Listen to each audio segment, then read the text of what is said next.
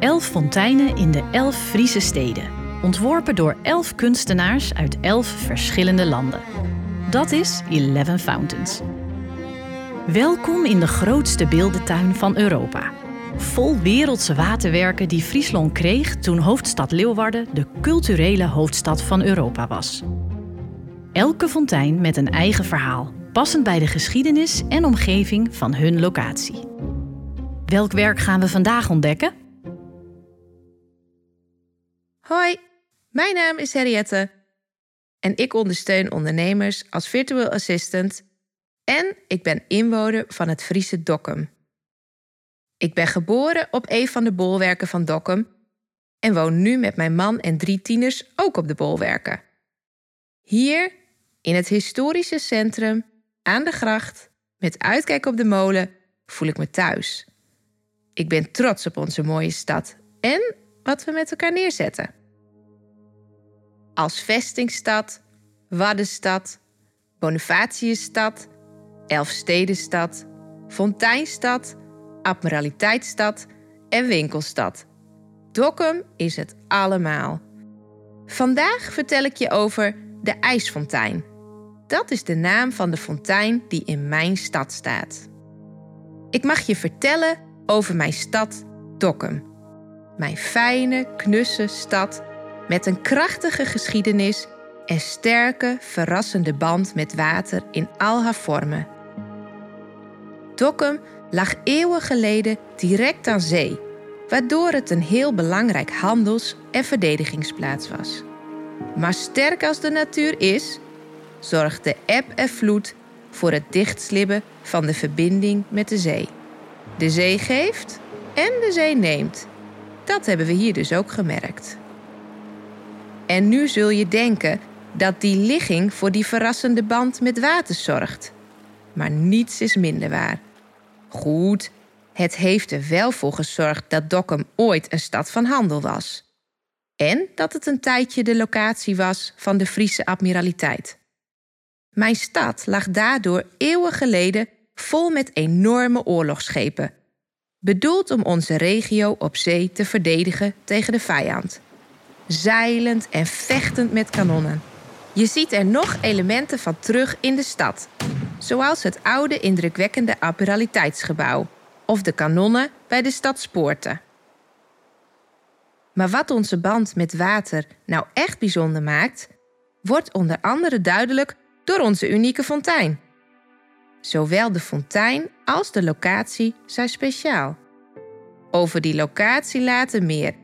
Ik wil je eerst vooral vertellen over het 2 meter hoge en 3 meter brede waterwerk dat op zonne-energie werkt. Ontworpen door Birte Leemeijer. Leemeijer staat erom bekend mensen kennis te laten maken met de natuur op een zintuigelijke manier.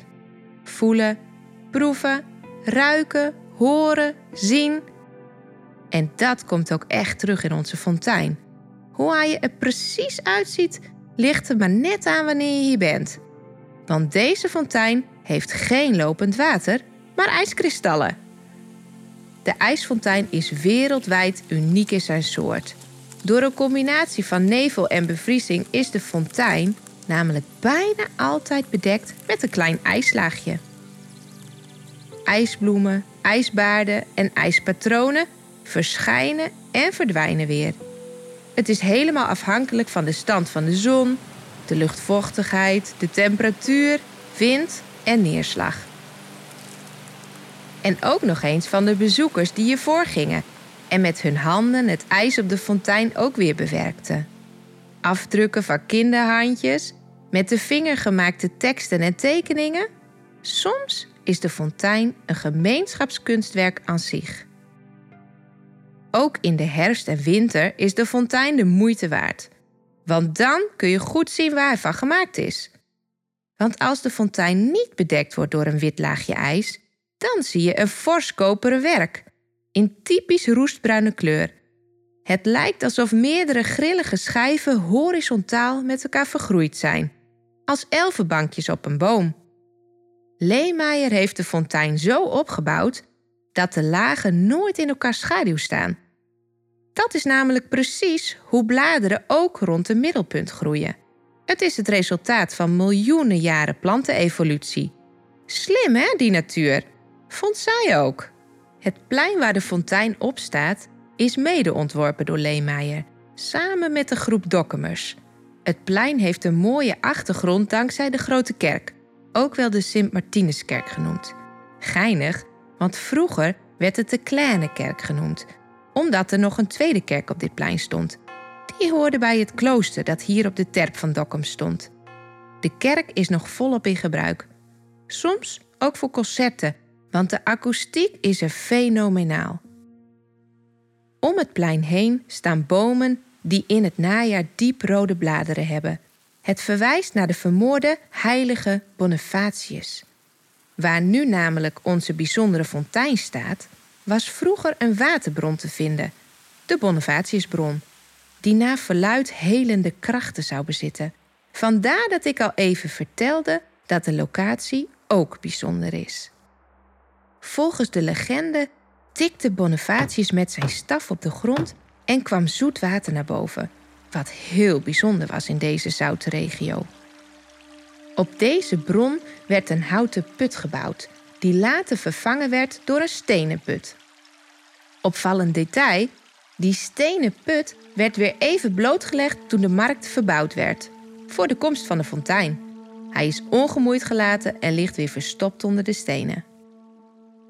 Goed, Bonifatius hielp de Dokkumers dus op wonderlijke wijze aan een waterbron. Maar niet iedereen stond te springen om het bezoek van deze oude man, die op bedevaartstocht was om de wilde Friezen te bekeren. Bonifatius werd koelbloedig vermoord. De mannen die met hem mee waren ook.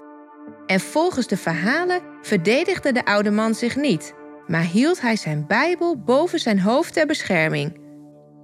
Het mocht niet baten, want hij blies in Dokkum zijn laatste adem uit. Eeuwen na zijn dood werd iets buiten de stad een nieuwe bron aangelegd in de vorm van een vijver met water dat naar verluid uit dezelfde waterader komt. Hier is ook de Bonifatiuskapel te vinden, een plek ter nagedachtenis aan deze vermoorde bekeerder. Wat ook zo bijzonder is aan het water van de Bonifatiusbron, is dat het in de 17e en de 18e eeuw gebruikt werd om bier te brouwen. Dokkum kende in die tijd maar liefst 19 bierbrouwerijen. Kun je het je voorstellen? Het water uit de bron was veel schoner dan dat uit de grachten in de stad. En daarom lieten de bierbrouwers het in houten tonnen naar hun brouwerij verschepen in pramen. Aan de kade ontstonden daardoor zogenaamde putstoelen of bierpalen, waarmee het water via een goot naar de brouwerij kon stromen.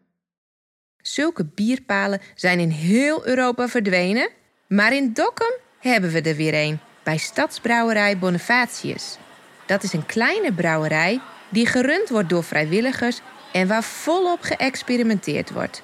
Je kunt het bier ook proeven, dus ga er zeker even langs als je hier bent. En als je hier dan toch bent, doe dan een goede tour door de stad. Je moet bijvoorbeeld echt even naar de gracht langs de Vleesmarkt, waar het keerpunt van de Elfstedentocht is. Een historische plek. Maar ook gewoon een mooi punt voor een kiekje van de stad. Je komt dan ongetwijfeld ook de bruggetjes van Dokkum tegen, die in de zomers versierd zijn met prachtig gekleurde bloemen en in de winter zijn de grachten vooral knus verlicht met lampjes. Zorg er ook voor dat je onze bolwerken bezoekt. Als je Dokkum van bovenaf zou zien, dan zou het direct opvallen dat onze historische binnenstad zo'n brede herkenbare stervorm heeft. Zes uitspringende verdedigingswerken, een brede gracht en ruim vijf meter hoge vestingswallen moesten Dokkum beschermen tegen de vijand, die overigens nooit kwam. Nou ja, wij zijn er nu blij mee, want je kunt er prachtig over wandelen en er staan nog altijd twee indrukwekkende molens op. Ik hoop dat je nu begrijpt waarom water voor ons Dokkumers zo bijzonder is. Van helende heilige waterbronnen en bierbrouwerijen tot schaatstochten en de enige echte ijsfontein van de wereld. We zijn er maar wat trots op. Kom je eens langs? Bij het toeristisch informatiepunt van Dokkum kun je routes kopen die je de omgeving laten zien. Zo weet je zeker dat je niks mist van al dat moois in mijn fijne stad, Dokkum.